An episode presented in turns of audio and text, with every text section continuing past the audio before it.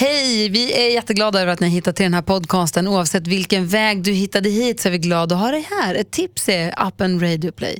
För där är det bara att öppna appen och klicka direkt på podcaster så ligger vi där tillsammans med massa andra fina podcaster som Historiepodden till exempel.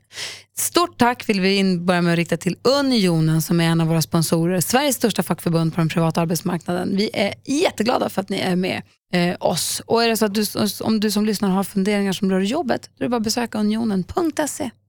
Och så tackar vi också harmonik.se, det är med Q det för att ni sponsrar. Tack, tack, tack. Och det är inte dumt alls där utan eh, det är faktiskt en skönhetsbutik som finns på nätet och den erbjuder en massa fina produkter till bra priser och så får man också snabb leverans. Och in det på- vill man. Man Ja, vill det är inte klart. hålla på och vänta på sin värmeborste. Vet du varenda människa att man vill ha leverans. Harmonik.se, in med er och titta där. Man vill inte hålla på och vä- vänta på sin värmeborste. Sant! Ja, det är faktiskt sant. En som fick vänta och vänta och vänta, det är gästen i det, dagens eh, avsnitt. Det är det som släpps idag.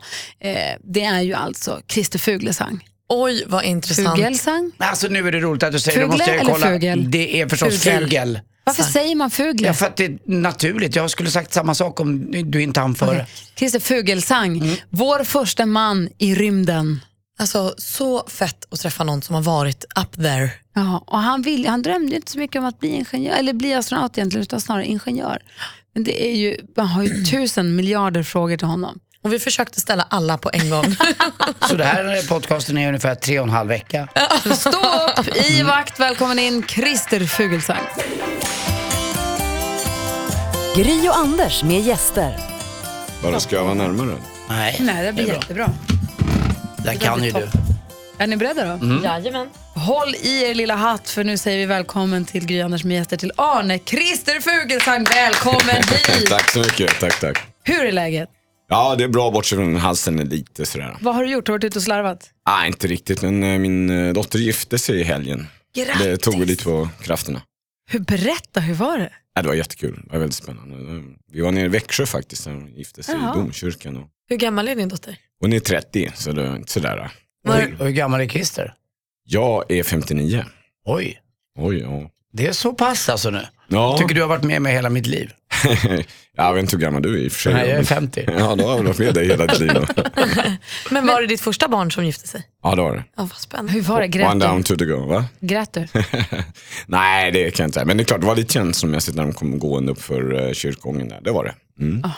Och höll du tal? Jo, men det måste man göra. Men det, var- det var inte så mycket. Vi höll tal tillsammans, jag och min fru. Och jag fick sista ordet. Det jag. var det skrivet eller var det, tog du det? Nej, jag skrev faktiskt ner det. Ja. Mm. Gud vad kul. Vi är jätteglada att du är här. Vi har massa rymdfrågor förstås, men vi brukar börja med de fem första som vi kallar dem. Mhm. Och då vill vi kolla med dig, första jobbet, allra första jobbet du hade. Det allra första jobbet, det var på ett sånt här småbåtsvarv. Där eh, jag och en del kompisar drog in en dag och sa, hej har ni något jobb för oss? Och eh, ja, det hade de någon sån här riktig skit att göra. Liksom. Det var slipa båtbottnar, giftfärg på den tiden och röja lite här och var. Och sen stod vi i korvkiosken och sålde målarfärg. Det var det där första jobbet. Det låter superidylliskt faktiskt. Förutom Ja, det där med det. giftfärgen. Ja, ja precis. Och sen så, klart, det är väl preskriberat nu för det var nog svart egentligen. Eh, första lägenheten. Det var på Jablonsberg, på eh, Arkitektvägen. Är du uppfödd där ute i Abrahamsberg eller? Ja, i närheten, eh, mest uppvuxen i Smedslätten. Långt bort. Det är lite Bromma det. Det är Bromma. Lite finare. Väldigt Brommabo. Ja, Det är det väl? Abrahamsberg är fint. Ja, det är fint. Vad har du för minnen från den lägenheten? Ja, där föddes den här dottern som eh, gifte sig till exempel. Mm. Föddes hon i lägenheten? Nej, inte riktigt, men vi födde hundar i lägenheten. Det kan jag ta om. Ja. Så vi hade en liten hund och eh, hon valpade i lägenheten. Första förhållandet? Ja, det var en tjej som gick i min syrras klass faktiskt. Jag gick gymnasiet, hon gick väl nian då tror jag. Vem var det? Kommer du ihåg vad hon hette?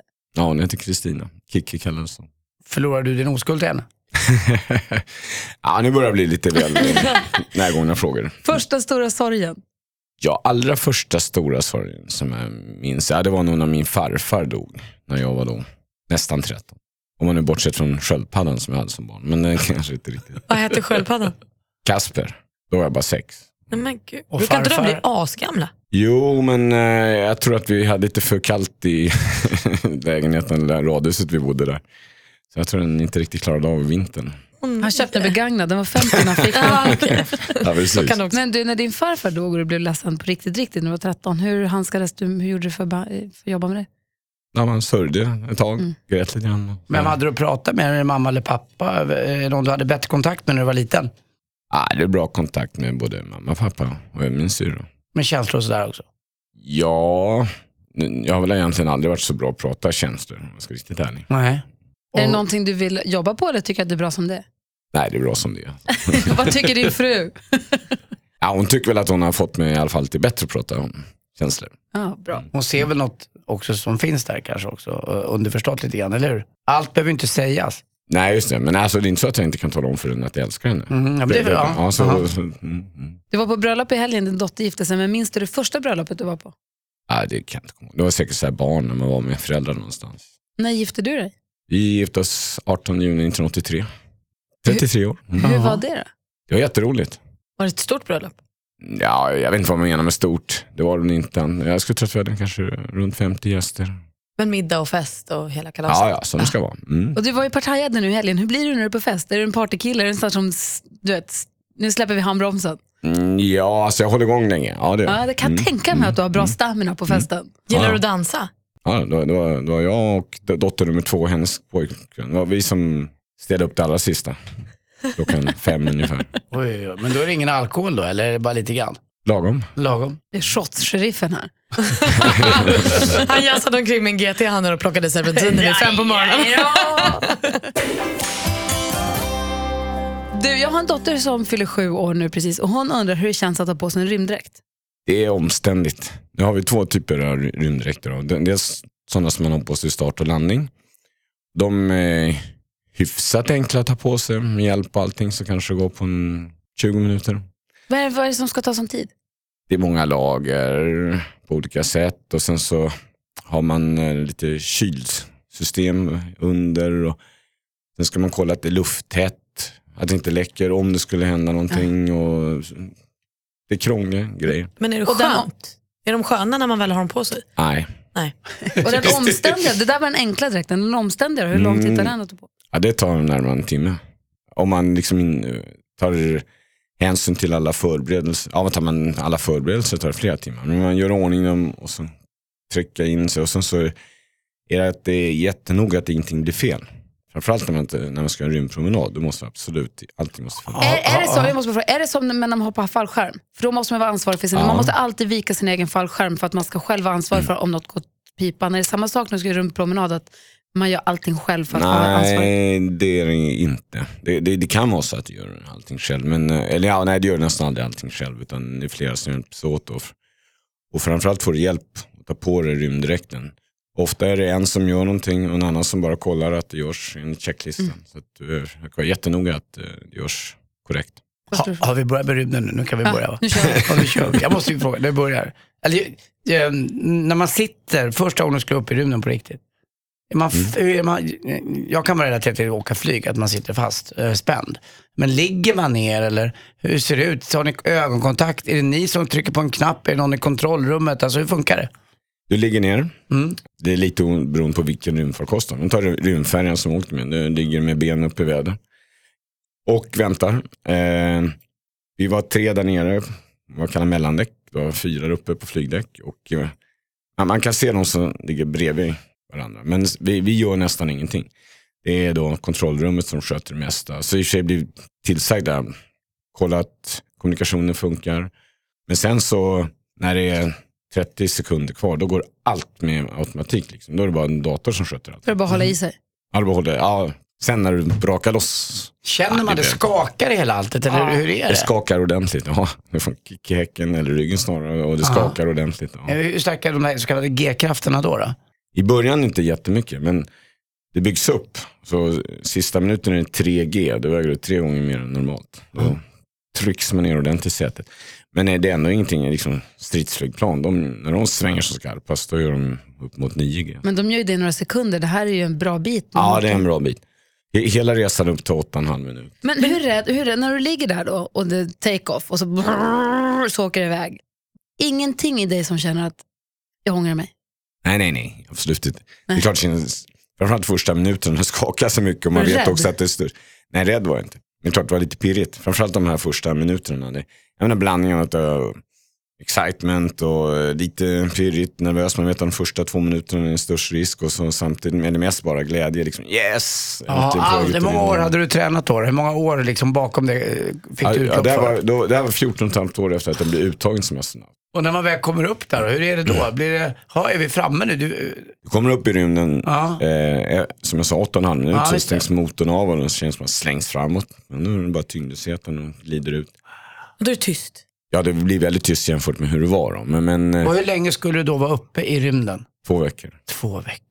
För då är det så här, om vi förstår det rätt så är det så att man skjuter upp i rymden. Rymden, det går rätt fort att komma upp till. Det tar åtta Ja. minuter. Ja.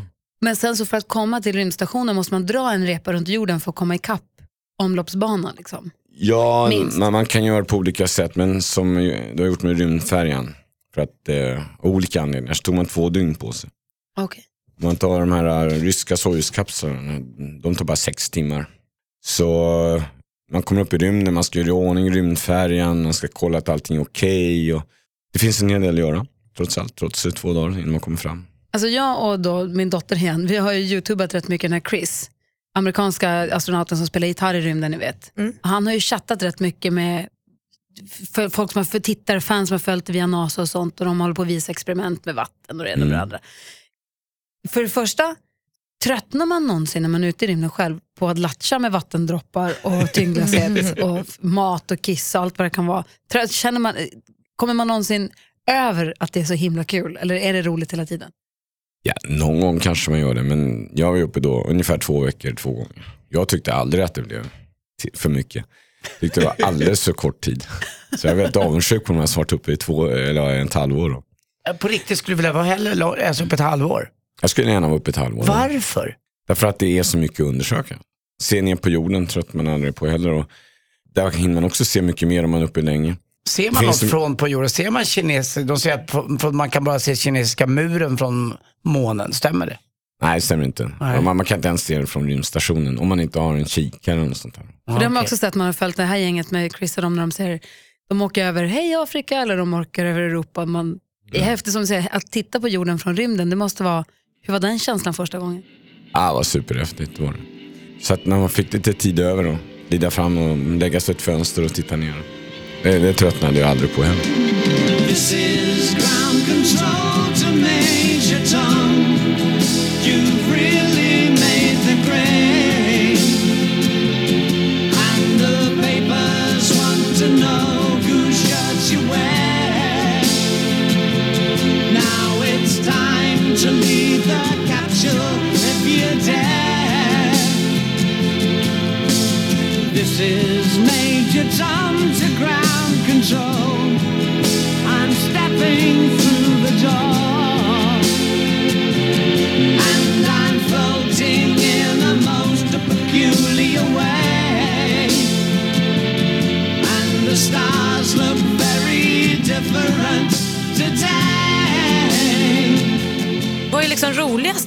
Så här den pirriga starten? Är det att flyga i rymden? Är det att vara dockad till liksom rymdstation? Vad är, vad är det bästa med att få åka till rymden? Ja, det är de två väldigt speciella grejerna. Det är tyngdlösheten och den går liksom inte att förklara riktigt. Och man kan uppleva den i flygplan på jorden upp till 20-25 sekunder. Men med en långtidstyngdlöshet, det, det, det är superhäftigt. Och sen hade jag ju tur och fick göra några rymdpromenader då, som eh, lite pricken över i. Vad betyder din promenad? Kan du bara förklara för alla Ja, som men det är väl lyssnar? så. Tar man då på sig en väldigt speciell rymddräkt som egentligen är en slags enmans rymdfarkost kan man säga. Och sen så då går man ut genom en luftsluss och så är man på utsidan av rymdfarko- rymdfarkosten. Man är i rymden. Ja, i Liksom. rymden. Ah. Just det. Så sjukt. Det är ju helt, helt bananas. Alltså. Och då har man någon uppgift där, man ska skruva på någon skruv eller fixa någon grej eller hämta något stoft. Ja, ja, precis. Ja, hämta- blåser det? Är det ingen, är det ingen, Det är inte är det riktigt. ingen fartvind eller hur? Nej, nej, det, det, det är liksom helt vakuum. Det finns ingen, ingen luft kvar där uppe. Så att du, du känner aldrig att det går fort. Ja, du, jag menar, du, du åker med 28 000 km i timmen ifrån den till jorden, långt där nere. Sjukt. Jag menar så. Jag Man ser jorden glida förbi långt där nere men du, du, du känner liksom. Alltså är man inte rädd då? Det är inte som en... Nej, det, det är man inte. Men klart, det är som i starten, det är, det är pirrigt först. När man liksom ger sig ut. Då. Jag tänker mig när man ska hoppa från femman och man står så här, nu gör jag det. nu gör jag det här, nu hoppar jag. Nu måste jag ha stått i den där luftslussen och bara, okej, i 14 år här, nu gör jag det.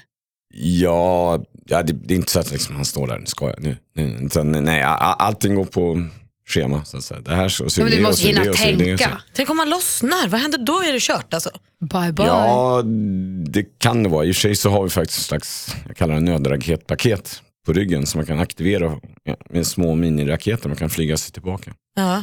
Och så har vi säkerhetslinjen, men, men nog, det är ju någonting man tänker mycket på, framförallt i början. Liksom. Får jag ställa en fråga som kanske är svindum? För jag fattar inte riktigt där. Men säg, på film har jag ju då också sett ibland att de åker iväg upp till rymden och så går ju tiden så mycket långsammare. Där, så, här, så kommer man tillbaka och så är alla asgamla. Det är ingen skillnad eller? Det är alltid som samma. Du kommer tillbaka och så har du varit borta lika länge som vår tid här. Christian, Nej. du är 50 år. Mm, Nej, Nej, men, nej, nej, jag är 30, vad är det jag räknar ut? här? 0,7 millisekunder yngre än jag skulle ha varit annars. Att du har tjänat lite tid. Ja, men det är väldigt lite. Det, det är inte riktigt som man känner det, men det, det är faktiskt mätbart om man skulle mäta det. Var kommer den myten ifrån? Varför bygger man det så i filmer och sånt? Ja, men alltså det är att man måste åka så mycket fortare än vad vi gör runt rymdstationen. Eller runt jorden på rymdstationen. Så att det, det, det, är, det är ingen myt. Det som är, det är snarare en teknologisk utmaning att kunna bygga ett rymdskepp som kan åka så fort och liksom komma tillbaka igen. Vad går det på det där rymdskeppet? För... mm, Nej, men när du väl har fått farten så behåller den farten därför att det finns ingen luft som bromsar den. Nej, det är det man tänker på hela tiden. Jag, jag tror att man, typ, ja, att man är inte på Marstrand när det blåser. Nej, precis. Men vad, du, du var ju enorm, vad ska man säga, jag längtade efter att vara i rymden hela tiden verkar som fortfarande 59 år gammal. Men din fru, hon har aldrig varit orolig för det eller hon bara accepterat att det här är Christer och jag tar honom som han är. Ja, jag var ju inte astronaut när vi gifte oss då. då. Men eh, eh, hon tyckte från början att ja, det här var en kul grej. Hon kanske aldrig trodde jag skulle bli antagen som astronaut. Jag vet inte. Men och hon har aldrig haft några, eh, vad säger man, ångrat sig eller ångrat sig att hon gick med på det. Och, Nej. Men när du ska åka upp på en rymdfärd, oavsett om det är första eller andra, du ska sticka upp i rymden, har man någon, även om du inte är rädd säger du, men har man någon liten sån här stund ihop med familjen? För det kan, alltså går det åt helskotta så går det ju så enormt mycket åt helskotta. jo, jo, man, man har möjlighet att Man träffa säger- dem lite speciellt på slutet. Och hur är det då? Det var inte speciellt känslosamt, det kan jag inte säga. Känns- Känslopjunk! Men ni säger liksom, inte- det har inte varit så att ni båda gångerna när du ska upp i rymden säger så här, hej då, det var trevligt att kännas. Vi hoppas att vi ses igen om några veckor. Nej, nej. Man förutsätter att det kommer gå bra. man förutsätter det. Vad har du för livförsäkring? Ja, jag fick en extra för det. Du fick det va? Eh, ja, ESA fixade att vi kunde få väldigt billigt köpa en extra livförsäkring och eh, de var väldigt noga på att man skulle skriva testament och sådana grejer. Därför att rent säga, logiskt visste jag att det var stor risk att det skulle kunna gå åt skogen. För rymdfärjorna var inte några säkra farkoster. Och en på 70 sa NASA. Men alltså jag kan ju bli vansinnig. Jag har ju svårt att få en bra livförsäkring för att jag är jordnötsallergiker. Men du som sitter och- på volley och åker upp, ah, på volley var det. Men du som sitter och ber om du åker upp till rymden, du får minsann. Är det för att du är kändis? Jag får betala för det. Ja, det var, jo det men var, det var, jag får också ja. betala dyrt. Christer gör ju någonting för världen. Ja, Alltså jag med bara- alla tester och alla saker. Jag är bara en risk. Typiskt. Du sa att din fru inte riktigt kanske trodde från början att du skulle faktiskt bli astronaut. Och det var det flera som kanske inte riktigt trodde efter du hade väntat och väntat och jobbat och tränat så länge. Jag tror det var Schyffert som hade något skämt om att du ska aldrig komma upp i, i rymden. Och så här- Förstår det. Ja men precis. Hur, hur pass mycket, eller känner, har du någonsin känt så här, jag, nu ska jag visa de jävlarna. Har det drivit dig? Ja, men nu måste vi först skilja på astronaut och astronauter. Ja. När jag säger astronaut, då menar jag yrket. Och det är man från det man blir liksom anställd som astronaut. Eller en- möjligen om man ska gå grundutbildningen. Det var det jag menade. Chansen att jag skulle bli antagen då var så liten. Men eh, har man väl blivit antagen till den här, börjat träna, då får nästan alla flyga förr eller senare. Och, och, och jag vet att gemene man sa så här, det där tänkt med astronaut, ja, det är någon som har varit i rymden. Men det var inte riktigt så jag, jag tänkte. Så yrkes, Däremot- liksom det, man trycker på, du är astronaut vare sig du är i rymden eller inte. Ja, just det. Och man kan säga att när jag går i pension från ESA då, ja då, då är jag inte riktigt astronaut längre. Då är jag liksom före detta astronaut. Då. Jag tycker det är som amerikanska presidenter, men alltid Mr President. Ja, jo, det, det är lite Men det när kommer det. nästa Christer Fuglesang då? Ja, det lär nog dröja tyvärr. Varför? Därför att vi satsar inte tillräckligt mycket på det. här. Dels så Europa satsar inte speciellt mycket. Eh, vi har ungefär en europé om året som åker i rymden. Och inom Europa så satsar Sverige lite. Så vi har fått Mer än vår beskärda del för lång tid. Å andra sidan så finns det en tjej, Jessica Meir, i NASAs astronautprogram. Som också har svenskt medborgarskap. Hon är född och uppvuxen i USA men hennes mamma kom från Sverige. Så när hon kom upp i tonåren kunde hon söka om svenskt När, när hon medborgarskap. flyger är hon fasiken svensk. Då kommer hon nog vara väldigt svensk i svenska ögon, det är jag övertygad om. Men du Christer, vad var det som gjorde att du fick åka två gånger? Då? Vad är... Ja men de flesta får åka i alla fall en gång till. Det får de. Om man inte gör bort sig ordentligt. Kommer du åka igen? Det kommer jag inte att göra om inte händer något väldigt exceptionellt. Jag skulle jättegärna åka igen, men fakt- det var direkt efter min första flygning så sa Gästas chef till mig liksom att bra jobbat, vi, vi ska fixa en till liknande flygning till dig, var en deal med NASA här. Eh, men sen, that's it for you liksom. Vad funderar du på Malin? Alltså den här eh, grejen med att rymden expanderar. Mm. Och innan det så säger folk så här, men där är det ju inget. Va- Kan man prata om det eller är det bara är det, bara det man får Är det, för- vad finns bakom rymden? Är det den frågan? Ja men lite så, och vad händer, expandera utifrån vad? Och så här, kan man ens prata om det eller är det bara att släppa det och fatta att det är rymden? Och sen så var det inget innan dess. Förr eller senare når man alltid en punkt där det går inte riktigt att förklara vad som kommer innan. Ja, och möjligen kan man då i och för sig då hitta en förklaring men då finns det ändå någonting som, vad var det som gjorde att just det då hände? Som Big Bang. Alltså alla seriösa forskare är överens om att Big Bang, den inträffade. Men var det någonting innan och vad triggade Big Bang? Ja, det finns spekulationer och möjliga hypoteser och sådär. Men, men då kan man ändå gå ett steg innan och säga, jaha, vi har de här då, fysiska lagarna som har gjort att det blev så. Ja, men varför har vi dem då? Liksom? Det, någonstans måste man bara acceptera att okej, Du tror inte på Ja. Gud då?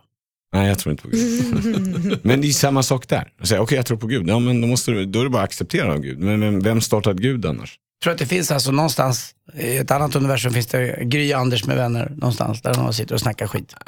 en, en, en del seriösa forskare hävdar ju liksom att om, om universum är oändligt stort, och är det verkligen oändligt stort, ja, då måste eh, allting upprepas förr eller senare någonstans. Så då finns det någonstans väldigt, väldigt långt bort, så finns det då vi som sitter och snackar där också. Men vad händer när vi möts då? När vårt universum expanderar i deras universum? Ja, men i det här fallet så är det, Men inte, är det inte olika universum. Utan det, Ett det, universum. det, det hänger ihop med vårt här. Men, men det är i och för sig så långt bort så att vi, vi, vi kan inte kommunicera. Det är för långt bort för att kunna skicka signaler till varandra. Men du, om man skickar iväg en, någon, någon satellit eller någon teleskop eller man vill forska i rymden och så vet man att det här är så sjukt långt bort, alltså vi kommer få svar om 33 år. Mm. Är, är det inte hopplöst att arbeta med någonting som man aldrig själv kanske kommer få ta del av svaret? Ja, hopplöst, hopplöst, men, men lite tråkigt kan det vara. Men, men jag tycker det är en intressant poäng där, därför att det där säger väldigt mycket om vårt perspektiv i samhället idag. Allting ska hända nu, eller i alla fall väldigt kort tid. Jag brukar ibland eh, tänka på de här, när man byggde de här enorma katedralerna i Italien till exempel. Så här, de satte igång och de tänkte oj det här kanske tar hundra år att bygga och vi vet inte ens egentligen de tekniska lö- lösningarna hur vi ska lösa det, men det löser sig nog på vägen. De kommer på det tills dess. Ja, de kom på Ja, det. tills- vi måste ju tills- börja någonstans med rymdforskningen annars så kommer det aldrig komma igång. Ja, precis. Och det är det, det jag menar vi människor måste lära oss att småningom kunna bo på andra ställen ute i rymden. Vi måste kunna lära oss, till att börja med Mars. Om hundra år kanske man börjar flytta dit lite grann. Om eh, ytterligare några hundra år kanske man bosätter sig på månar runt Jupiter eller något sånt där.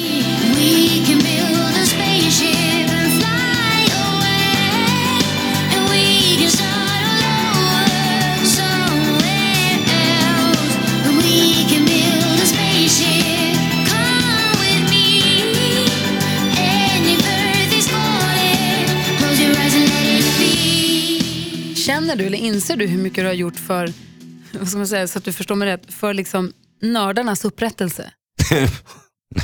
Nördarnas upprättelse. Ja, men alltså, Nej, för- just för- den förstår jag nog inte.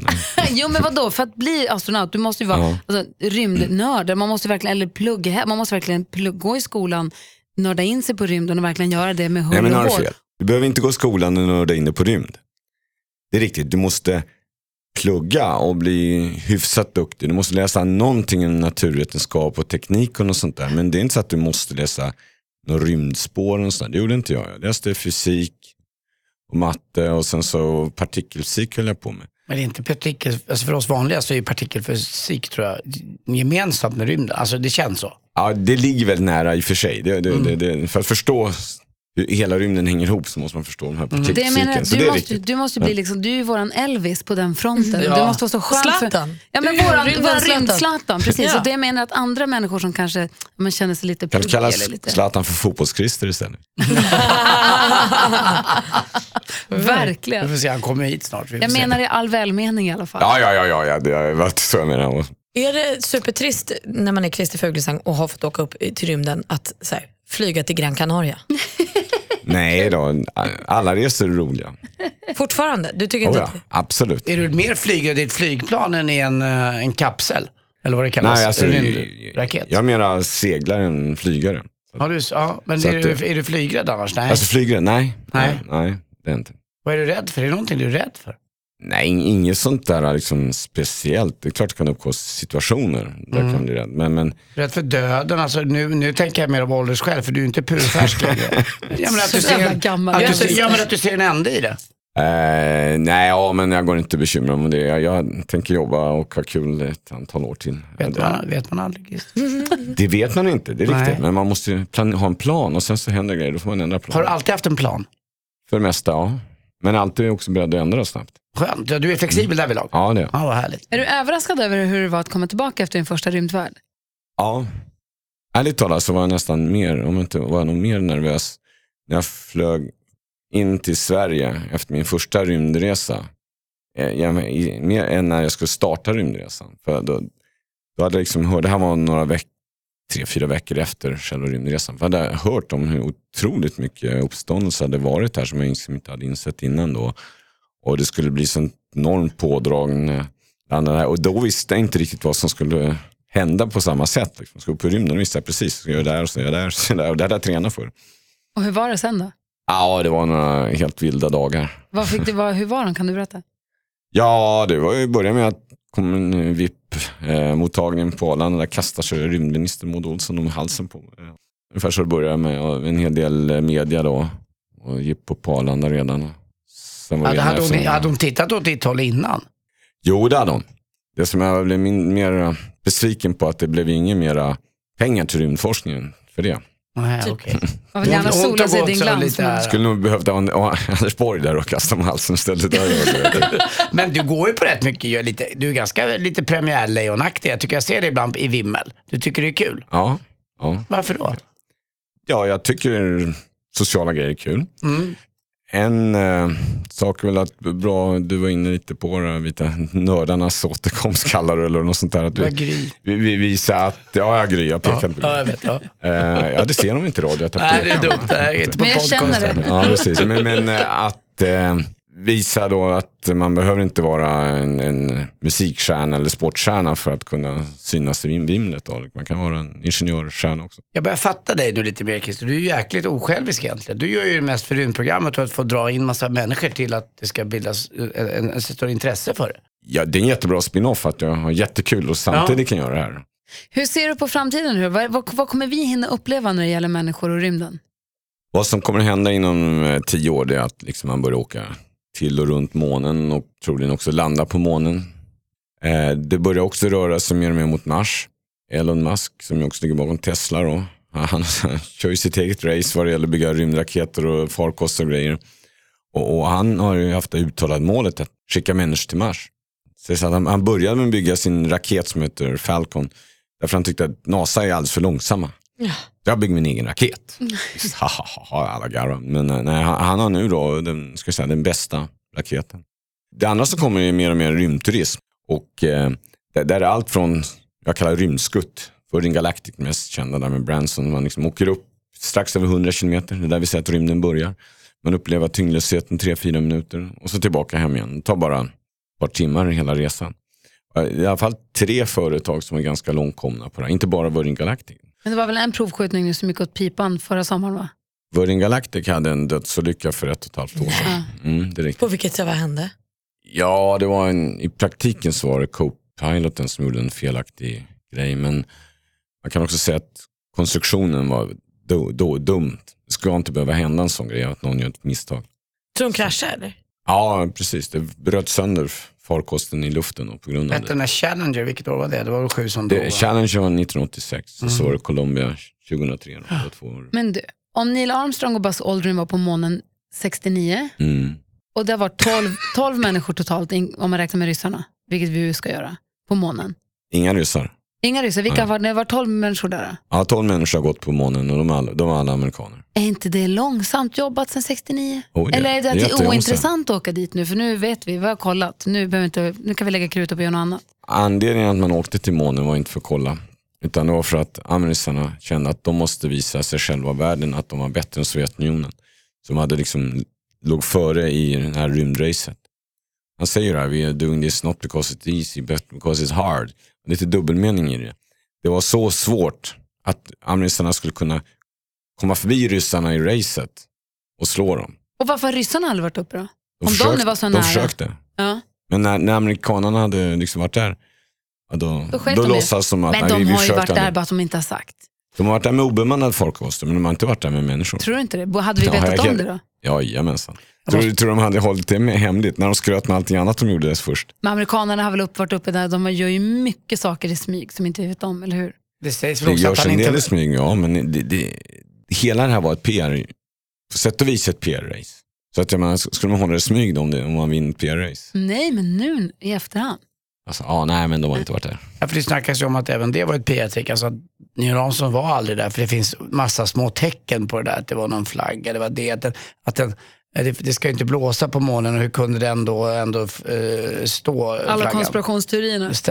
Har, har skrattar du bara som, du som är astronaut och sånt? Ja, Ja, Okej då, det är också det, ja skönt att höra. Ja, tack. Då är vi ense. Ja, det är vi överens.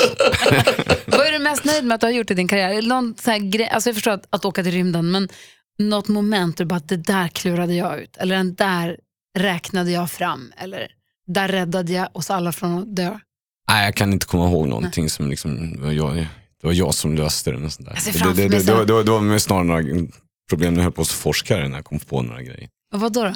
Ja, Jag hittade en, något sätt att kunna förklara en grej. Förmodligen var det inte det som var ursprungs, eller den riktiga förklaringen, men jag i alla fall själv kunde räkna ut några, eh, några saker som ingen hade gjort tidigare. Det var ju kul. Jag ser framför mig så sömnlösa nätter om svarta tavlan och kritan och kaffe och håret som står åt alla håll och papper som fladdrar. Och så. inte Christer. Lite så ja. Min mest, vanlig, min, min mest återkommande dröm som har med jobbet att göra är att jag inte kommer fram. Att jag sitter i bilen och jag ser radiostationshuset där borta. Jag hör på bilradion hur ni börjar men jag, inte, jag kan inte ta mig fram. Vad drömmer man i rymden? Ja, jag, jag, jag vet att första natten hade jag massa konstiga drömmar. Nu kommer jag inte ihåg detaljerna, men jag kommer ihåg att liksom, wow, det var jättekonstigt. Men jag kan säga jag drömmer ibland om rymdresor. Det gör jag fortfarande. Tror du att det blir någon mer? Nej, antagligen inte. Då får det bli någon av de här kommersiella resorna sen då, hitta på någonting där. Guide! Annars är man Du mass- kan vara Stå och guide! peka på nödutgångarna och sånt. Nej, men du kan vara han om man tittar till Ja, vänster här, precis. nu ser man månen. Ja, ja det gör jag gärna. Få åka upp i Kaknästornet. Man ska, man ska aldrig upp liksom, eh, John Glenn, han som var första amerikanen i banan runt jorden, 1962 var det väl. Sen fick inte han flyga någon mer därför de var ju lite rädda för att måste ju ta hand om nationalhjälten. Men han gjorde en comeback, han var 36 år senare. Och sånt där. Då var han 77 år gammal. Så ni ser, jag har många år på kvar. Alltså, skulle jag nu åka en turistfärja upp till rymden då vill jag gärna att du är med Christer. Ja men tala om det för eh, vem du nu åker med. Ja, Vi gjorde, just, vi gjorde just det här. Branson, Jag ställer upp helt gratis. det är så kul så du ska göra det gratis. Absolut, ja. Hörru, tusen tack för att du kom hit och hälsade på oss Christer Fuglesson. Men Vi är vänta du. jätteglada. Nej, frågan i lådan! Lådan. Oj, oj, oj, läskiga lådan. Lådan, gubben lådan. Håll i den nu din gamla äh. Blandat? Ja visst, det är samma fråga allting. Nej, det är lite olika. Ska jag ta en lapp? Ja, Mm. du kan läsa va Christer? Du går ju på KTH. Ja, jag har lärt mig läsa. Mm. Okej, då ska vi se. Den här har Bianca Ingrosso skrivit. Pinsammaste händelsen i ditt liv? Svara ärligt. Ja, en av de absolut pinsammaste händelserna i mitt liv, det var definitivt när jag tappade den här verktygsdelen under första rymdpromenaden. Då hade man gärna, precis, och ner in i jorden som heter, vad svårt med rymden. Men det var inte så mycket att göra, det var bara att tala om att så var det. Vad, påverkar, vad gör det? Alltså, jag förstår att det är pinigt, men vad, vad blir effekten av en sån grej? Inget. effekten då var att eh, det jag skulle gjort, som i och för sig var en extra uppgift. Vi hade liksom gjort allt det som var förplanerat, som vi var tvungna att göra under den här rymdresan, eh, den rymdpromenaden. Och så hade vi jobbat så bra så vi hade lite tid över. Och då så var det sagt, ja men då försöker vi hinna med det här och det här också. Det här var en av de grejerna. Och, men då kunde jag inte göra det då så att säga. Därför för jag tappade ju verktyget, eller verktygsdelen som behövde för att göra det. Så då fick nästa gäng, när de kom upp där, fick de göra det istället. Så att det hade ingen, ingen egentligen större inverkan på det hela programmet och sådär. Men ändå är det ju väldigt pinsamt och irriterande. Man liksom har gjort en väldigt bra rymdpromenad i sex timmar och så precis på slutet då ska man Och klanta det, och det är också det du kommer ihåg. Dumt. Ja, jag kommer ihåg det andra också. Men, i Men, rymden eh, kan ingen höra dig svära. Nej, det är bra. Nej, men, men på radio hörs det. Men, men jag, jag svor inte. Fick du själv Ja, då? Eh, nej, det får man inte. Åker det runt massa rymdskrot? Får man ducka för att det kommer ett skitflygande som nej, på filmen? Det, nej, så funkar det inte. Det, det, det finns rymdskrot, ja, men det är inte som det Gravity. bara, Moln och grejer. Nej, nej. Eh, och, eh, om det är större än en decimeter så här, då kan man ha koll på det från jorden. Så då vet man om någonting kommer i närheten av rymdstationen. Så en decimeter, 10 centimeter. Ja, alltså. ja, ja. Ja. Då kan man ha koll Alltså, på det härifrån. ja, då har man koll på det med radar. Men- Då flyttar man rymdstationen om det behövs. Hörru, tusen tack för att du hälsade på oss. Jättetrevligt att få träffas. Tack för idag. Hoppas du kommer i omlopp igen. Ja, tack ska ni. Tack ni ha. Hej. Hej. Cause you're a sky, cause you're a sky full of stars. I'm gonna give you my heart. Cause you're a sky, cause you're a sky